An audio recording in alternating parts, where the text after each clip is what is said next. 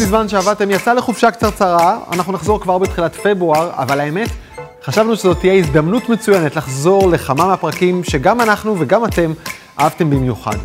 ואם הצטרפתם אלינו לאחרונה, אנחנו בכלל ממליצים לכם, ולכן, לא לפספס, תהנו.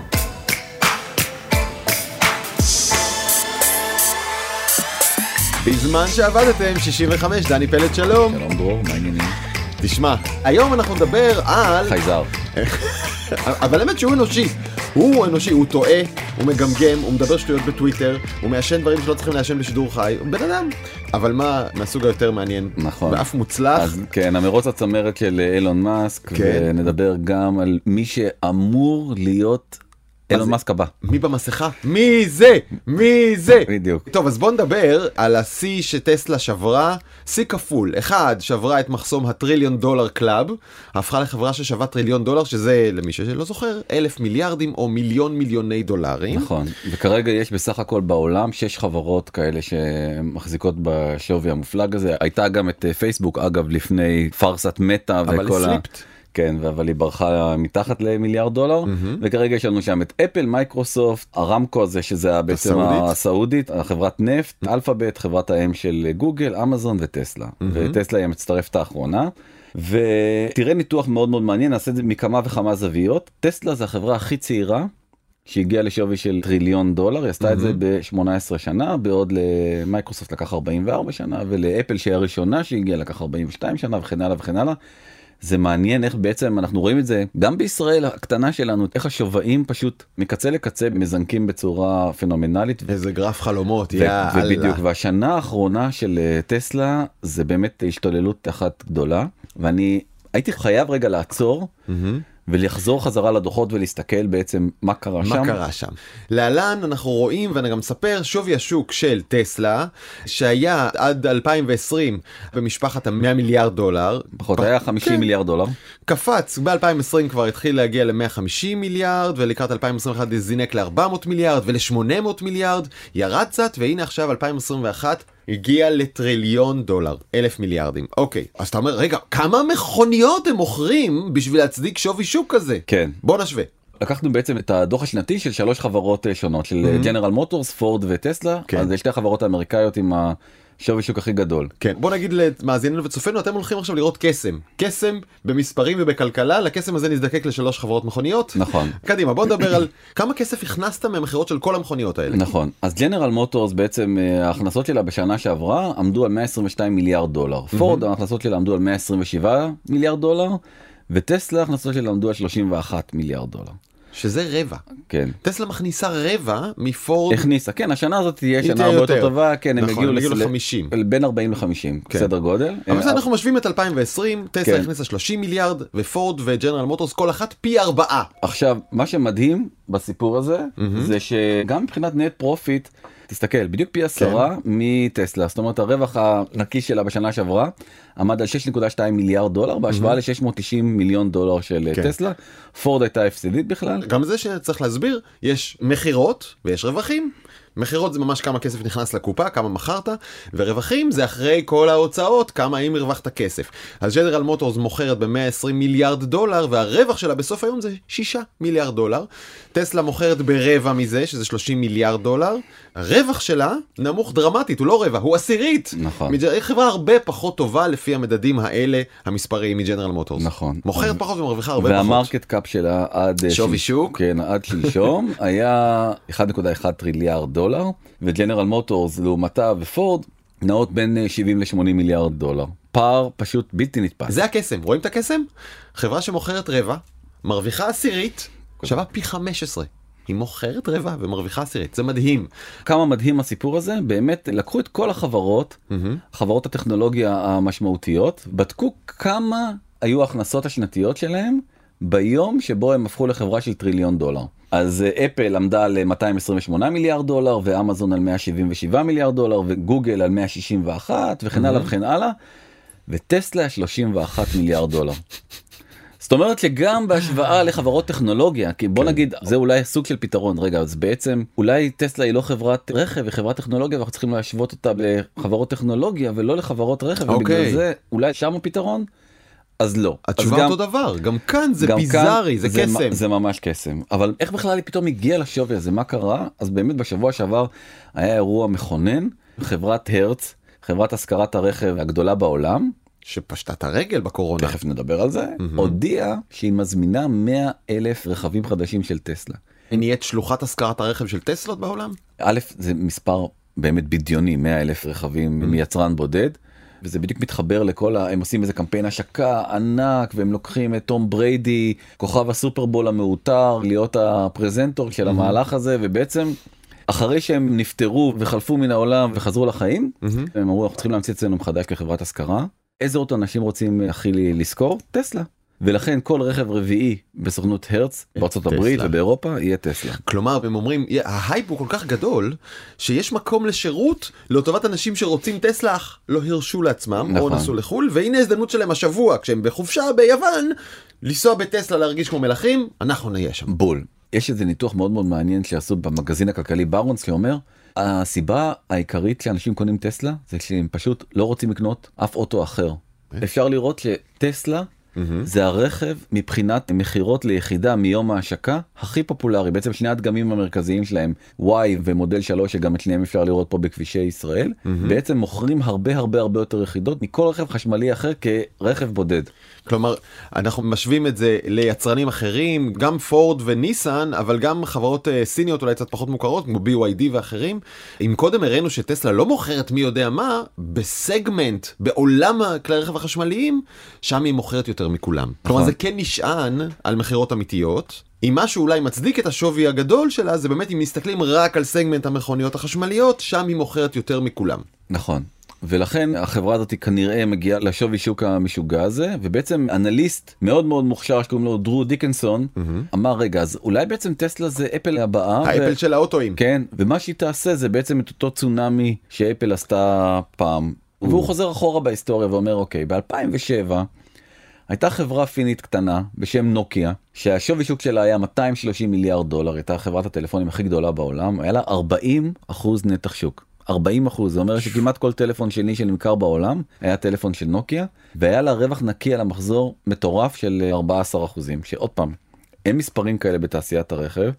באותה שנה ממש בחור חולמני מקופרטינו בשם סטיב ג'ובס משיק את הטלפון הראשון הסמארטפון הראשון הלו הוא אייפון מודל הראשון ובעצם באותה שנה נמכרו מעט מאוד טלפונים נמכרו בסך הכל 3.7 מיליון טלפונים לעומת 435 מיליון נוקיות. של נוקיות. כלומר מה שהגרף הזה רוצה לומר או מה שהנתון הזה רוצה לומר זה שטסלה היא אפל היום היא הביאה כבר את הדבר החדש כולנו מבינים שהוא יגדל ויאכל את השוק של כל היתר אבל בצילום הזמן הזה המספרים עוד קטנים. בדיוק. אבל השווי שלה משקף לא את מה שהיא היום את מה שהיא תהיה בעוד חמש שנים אחרי שהיא תאכל את נתח השוק של פורד של דנלר מוטורס וכל היתר. בול זה בדיוק מה שהוא מנסה להגיד ובעצם אומר אוקיי תראו וב2021 בעצם נמכרים כבר 1.4 מיליארד מכשירים כל שנה לאפל אמנם יש אה, נתח שוק של אה, 16 אחוזים אבל היא מוכרת 225 מיליון מכשירים בשנה. והכי חשוב והכי חשוב היא יודעת לעשות את זה מבחינת תפעול ברמה מדהימה שאף יצרנית טלפונים לא יודעת לעשות כן. 24 אחוזים וב2021 נחזור חזרה לתעשיית הרכב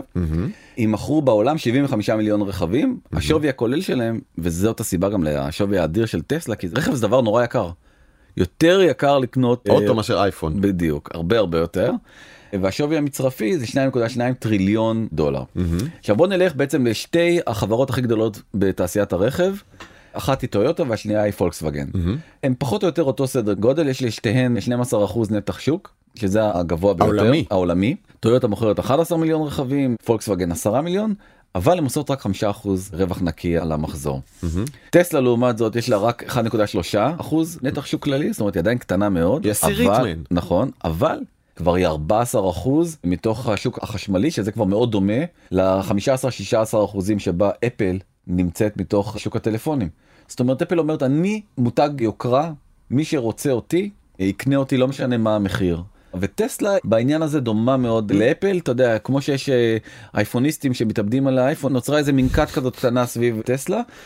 והיא עדיין לא יעילה כמו אפל ברווח הנקי על המחזור אבל היא הרבה הרבה יותר יעילה יעילה ב-50% כבר היום בהשוואה לחברות המסורתיות. שכלכלית אנחנו מבינים שזו השוואה תקפה אתה לא יכול נכון. להשוות מפעל מכוניות למפעל טלפונים אתה יכול להשוות מפעל מכוניות למפעל מכוניות ולהגיד זה רווחי פי שניים או בעוד 50 כן, אחוז פי אחד מהמפעל וחצי, ההוא. נכון, כן. והם כבר ב-7.4, יותר מזה אני רוצה להגיד לך, הרווחיות משתפרת ככל שאתה מייצר יותר, אה, Obviously. נכון? אז הציפייה של האנליסטים זה שבעצם עוד תהיה השתפרות לאורך הזמן, והפוטנציאל הוא פשוט עצום. רגע כי- זה הדבר החשוב כן. שטסלה ה-14 אחוז שלה הם מתוך השוק הגדל.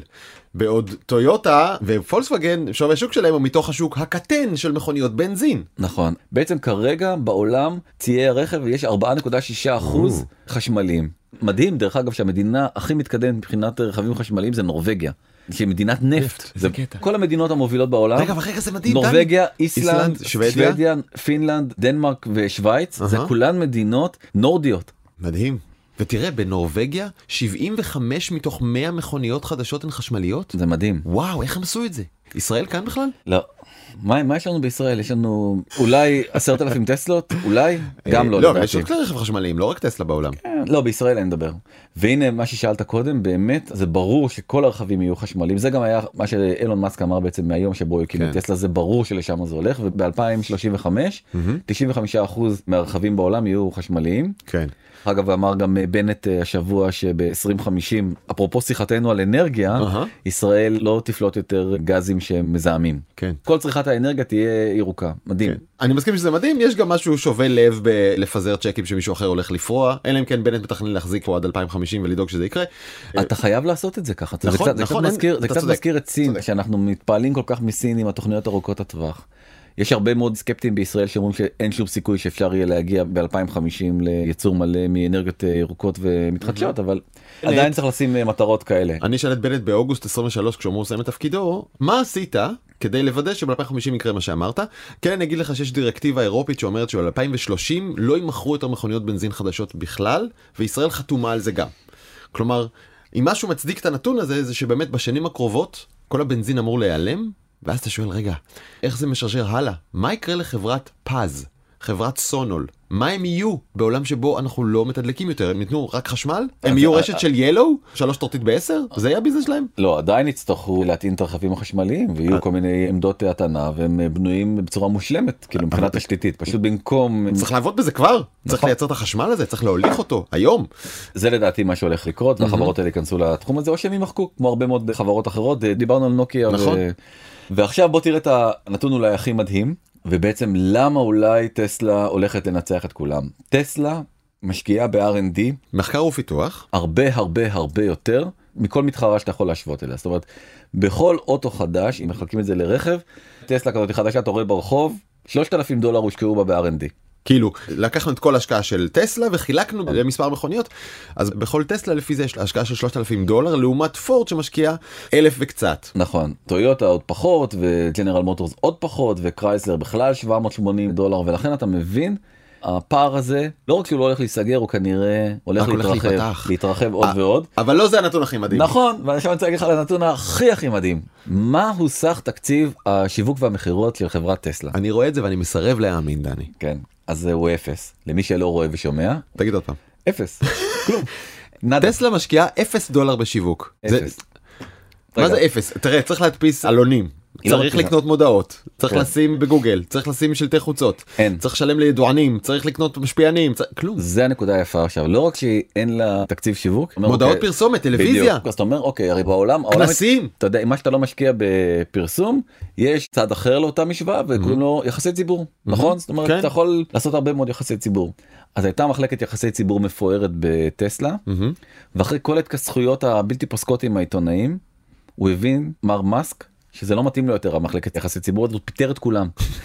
אין מחלקת יחסי ציבור בטסלה. אין? לא כן אז הוא אומר אז רגע אבל איך מתקשרים הודעות לעיתונים אז הוא אומר מה נכון. הבעיה רגע יש לי טוויטר האישי שלו. האישי שלו. דני נו. אין Head of PR? אין. אין, אין תפקיד כזה? תבדוק, Head of תיכנס Marketing ללינק-. תיכנס ללינקדאין ותחפש, תראה, אין, אין, אין תפקיד כזה. זה מטורף. כל ה-PR של טסלה נעשה באיבנטים האלה שטסלה עושה אחת לדגם או כן. לאיזשהו, אה, אה, הוצאת שיווק. תסכים שזה הוצאת שיווק האירוע הזה? בסדר, אוקיי, אוקיי, ושם כן. עולה, הם לא לוקחים את אה, טיילר סוויפט או את אה, ריאנה שיעלו על הבמה ויעשו show. אלא הוא עולה בעצמו על הבמה, מנפץ חלון של סייבר טראק למרות שהוא אמור לא להתנפץ, עושה פדיחות, באמת מגמגם כמו שאמרת, הוא. לא איזה performer מדהים, אבל העולם פשוט משתגע עליו. וככה בעצם זה ערוץ התקשורת המדהים עכשיו האם זה עובד לו או לא עובד לו זה עובד לו מדהים. כן. ה brand הכי צומח ב-2021 מבחינת שיווק מבחינת שווי איך בודקים את זה בעצם בודקים כמה תוספת של שווי כלכלי קרתה בשנה האחרונה. יותר מטיק טוק יותר מיוניקלו יותר מאינסטגרם יותר מ JD.com וכן הלאה וכן הלאה במקום הראשון בפער עצום טסלה. במקום הראשון במדרג החברות שצמחו בשוויין בשנה האחרונה. בשווי המותג בשווי המותג. לא בשוויין בשוויין ברור שטסלה כן. משאירה אבק היא מנצחת את הביטקוין באמת זה לא נורמלי כאילו מה שקורה עם אה, מצחיק, אתה זוכר שלפני שנה דיברנו כאן על איך שטסלה וביטקוין זה שתי כתות שמתאחדות. כן. כשזה אבל מאז הם השאירו את הביטקוין מאחורה. נכון כן אני, ביטקוין אני חייב להגיד לך דני שלצד ההתלהבות מהמהלך הכל כך יצירתי ומקורי של להשקיע המון בטכנולוגיה וגם להצליח ולמכור ונתחי שוק ולא להשקיע כלום בשיווק כי הטוויטר של אילון מאסק והמותג וזה וזה אני רואה כאן גם רכיב מאוד ברור של בועה. אוקיי?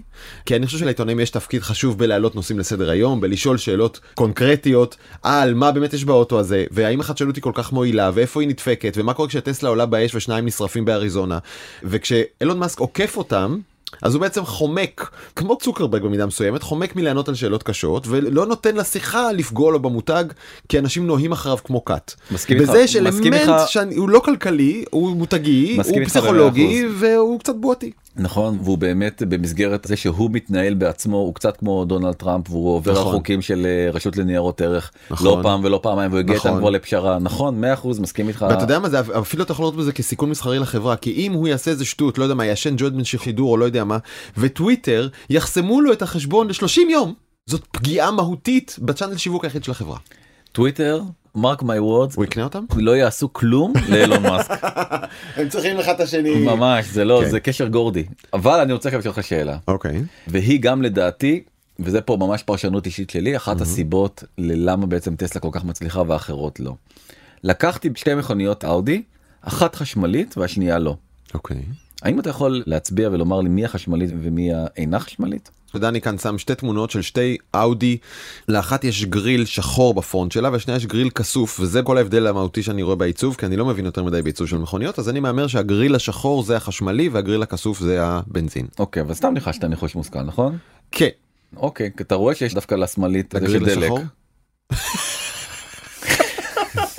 יש לך דרך להוציא בן אדם יותר אהבל בפחות זמן או לא, שזה לא, לא, הכי. מהר שאתה יכול? לא לא אבל אתה צדקת כי שם אה. פשוט מטעינים את החשמל. כן צדקת הייתי חייב לעשות לך את כל- התרגיל הזה אבל זאת הפואנטה של מה שאני מנסה להגיד. אוקיי. יש משהו בלקנות כן. טסלה שהוא מוחלט.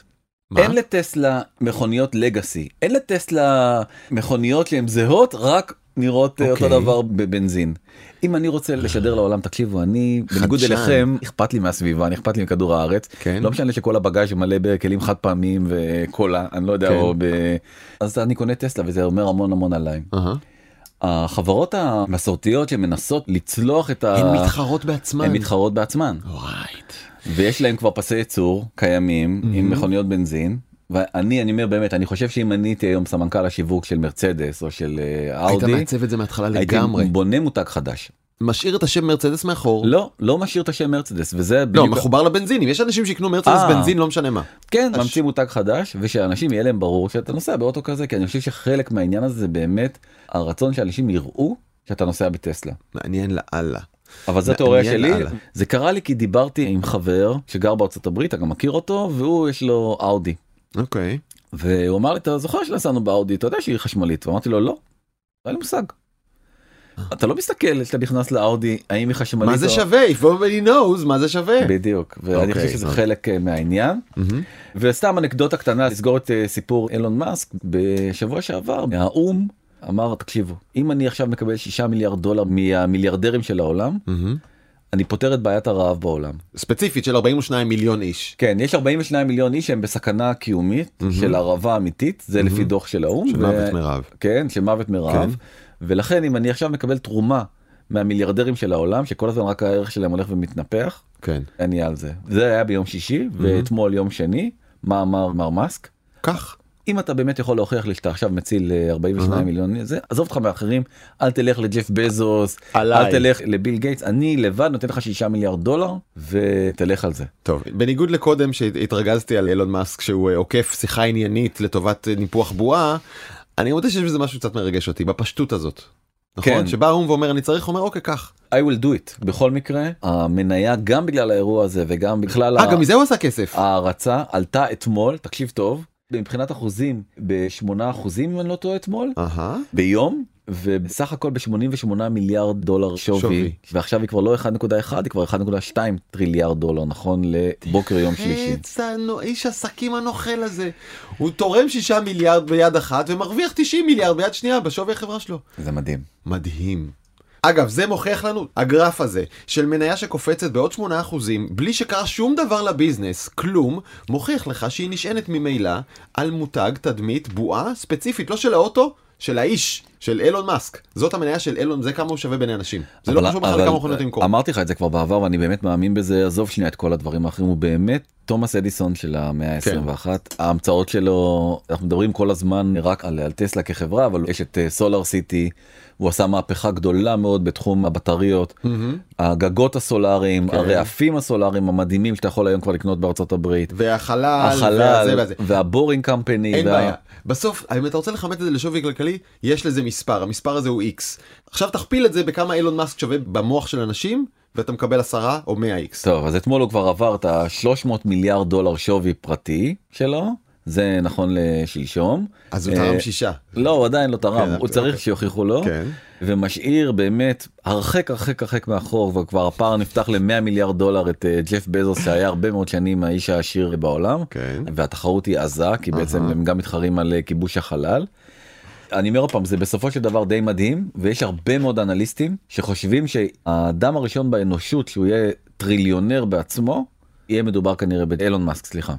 אגב, החלל, אני שמעתי את אילון מאסק מתראיין לקארה סווישר לפני איזה שבועיים, והיא שאלה אותו, תגיד, בזוס שם את עצמו על החללית וטס לגבול החלל, אתה לא עשית את זה, למה? והוא התחיל לגמגם ולצחוק, ואמרתי, תראי, אין לי ממש צורך. אבל אם את כבר רוצה להשוות אז תשימי לב שאני רוצה לטוס למאדים וההוא טס רק לקצה החלל כדי להגיע לקצה החלל צריך טיל הרבה יותר קצר. ככה הוא אמר? ככה הוא אמר. כן זה יריבות ארוכת שנים. כן, ו- יש- בזה הרבה מידה של גילוי לב וכנות על מה אנחנו רבים פה באמת האם כן. זה על החלל או על מי יש יותר. כן ואילון מאסק באמת לא מפסיד שום הזדמנות להלום בג'ף בזוס. וג'ף בזוס כבר מכין את הנקמה ופה אני נכנס עכשיו לסיפור שהוא באמת סיפור של משחקי הכס. אורייט. הוא אומר אוקיי אני מבין כנראה שהאילון מאסק הזה הוא די חכם אז אני חייב למצוא מישהו ממש חכם שמבין במכוניות ואני רוצה דרכו לנשל את אה, אילון מאסק מהמלוכה. ומי נבחר? נבחר בחור בשם רוברט ג'וזף סקרינג'. שמה תפקידו בעולם? יפה. תפקידו בעולם להיות הנמסיס של אילון מאסק. חבר לוהקת. כן, לוהקת. להיות הנמסיס של אה, אילון מאסק. ואיך נעשה את זה? אתה בטח שואל את עצמך? במה בדיוק? באמצעות חברה מתחרה על אה, טסלה. אוקיי, אם טסלה כל כך נהדרת, אז בוא נעשה טסלה 2, כן. אבל נלך לבטן הרכה של האמריקאים. מה הבטן הרכה של האמריקאים? איזה אוטו הם הכי אוהבים. כן.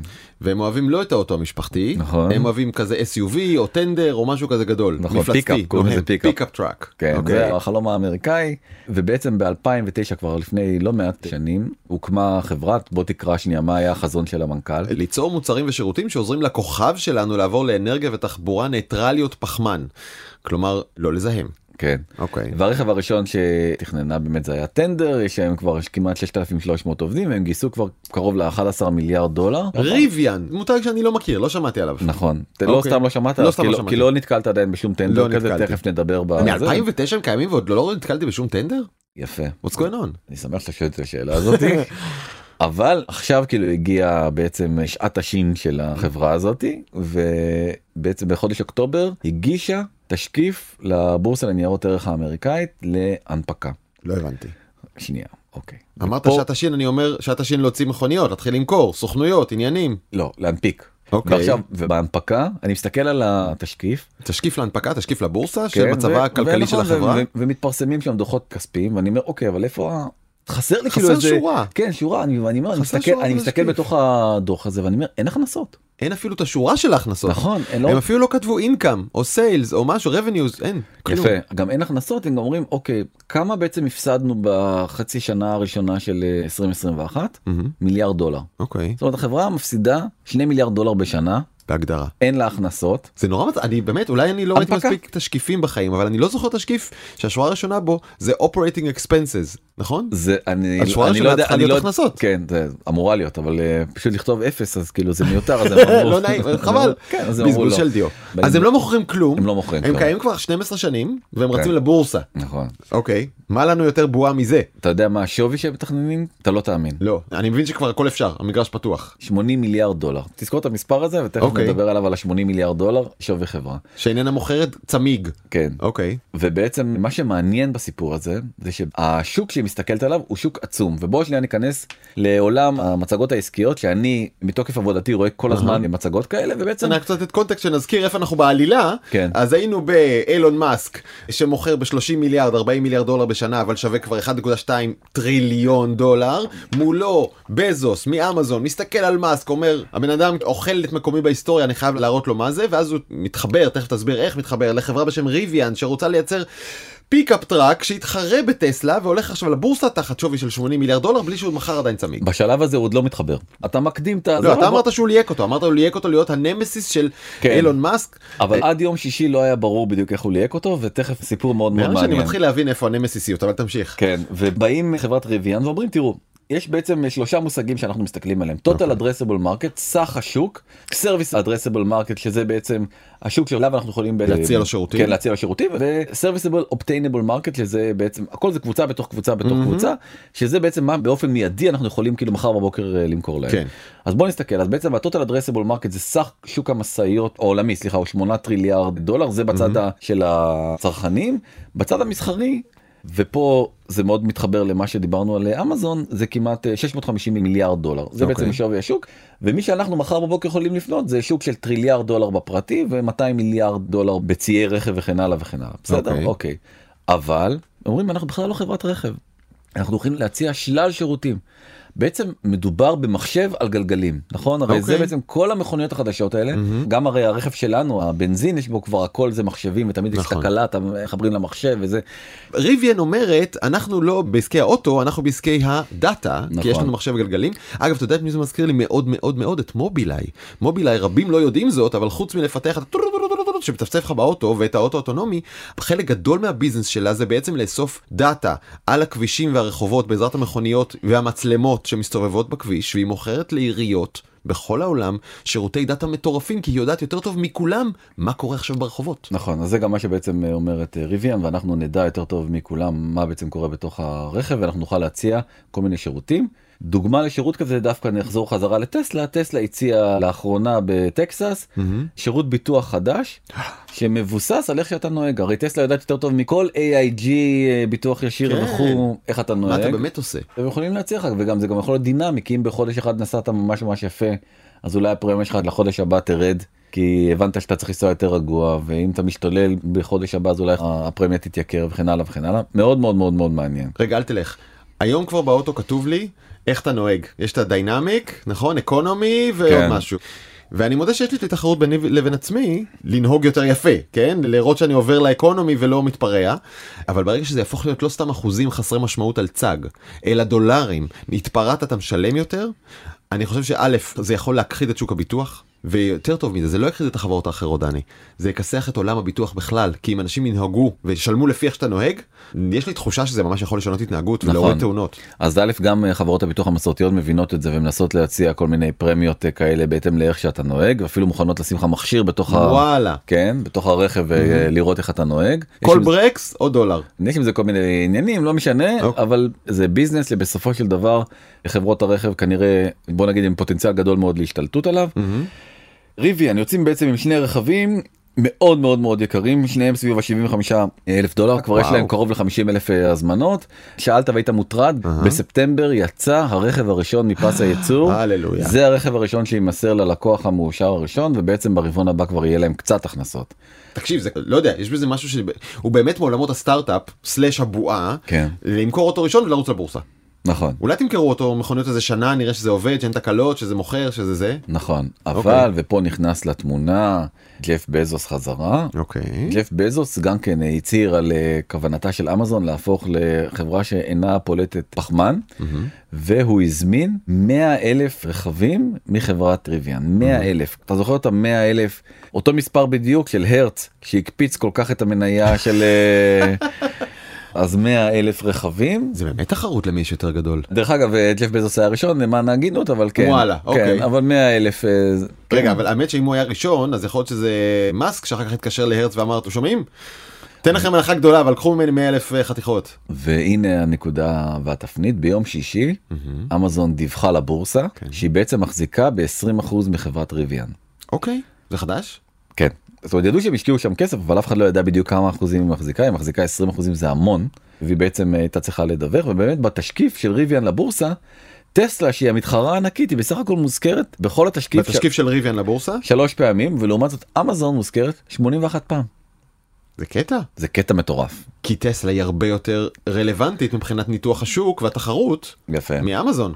פורד שהיא גם הייתה אחת המשקיעות הראשונות בריביאן יצאה מהבורד כי מבינים שזה הולך להיות תחרות ורק להראות כמה השוק הזה הוא תחרותי אז בעצם ה-F150 שזה הרכב הכי נמכר בארצות הברית אז יש כבר 150 אלף פרי אורדרס וטסלה של אילון מאסק אחרי שאמרנו על ה-50 אלף וזה נראה לנו וואו.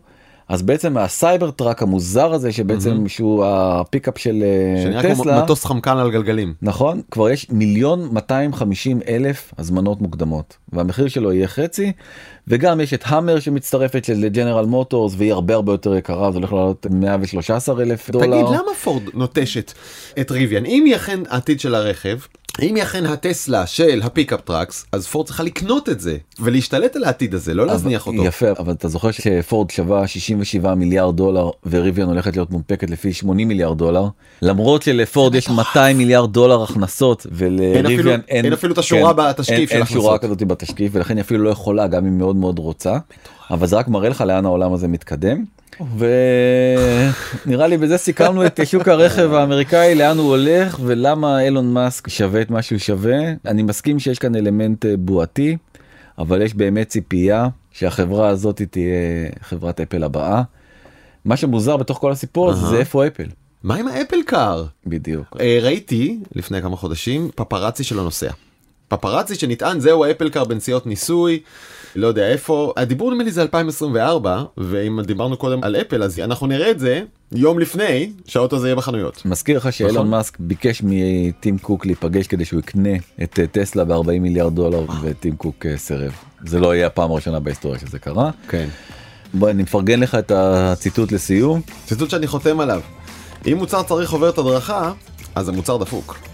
אני כל כך מסכים עם זה דני. על החתום אילון מאסק. כן אני חושב שאני גם חותם על זה. לפניו עוד חתמתי על זה אני אומר על לך. החתום דרור גלוברמן. חד משמעית אני מסכים עם זה 100% אני שונא חובות הדרכה ואני חושב שאם צריך אותן אז יש שגיאה ב... במוצר. טוב עד כאן בזמן שעבדתם 65 העורכת אפרת מירון תודה למפיקה נטע ספילמן לצוות הטכני מוטי אוננה ותומר וולף החברים שלנו בנקסטר דנה גוטרזון וניצן כרמלי ואתם יכולים לפגוש אותנו בקשת TV, מאקו, נקסטר, N12, ספוטיפיי, אפל פודקאסט, גוגל פודקאסט, כל הפודקאסט, מה שאתם רוצים פודקאסט אה, אפשר לשלוח לנו הערות למייל בזמן את קשת מינוס TV dot com דני פלד היה תענוג גם לי, תודה רבה.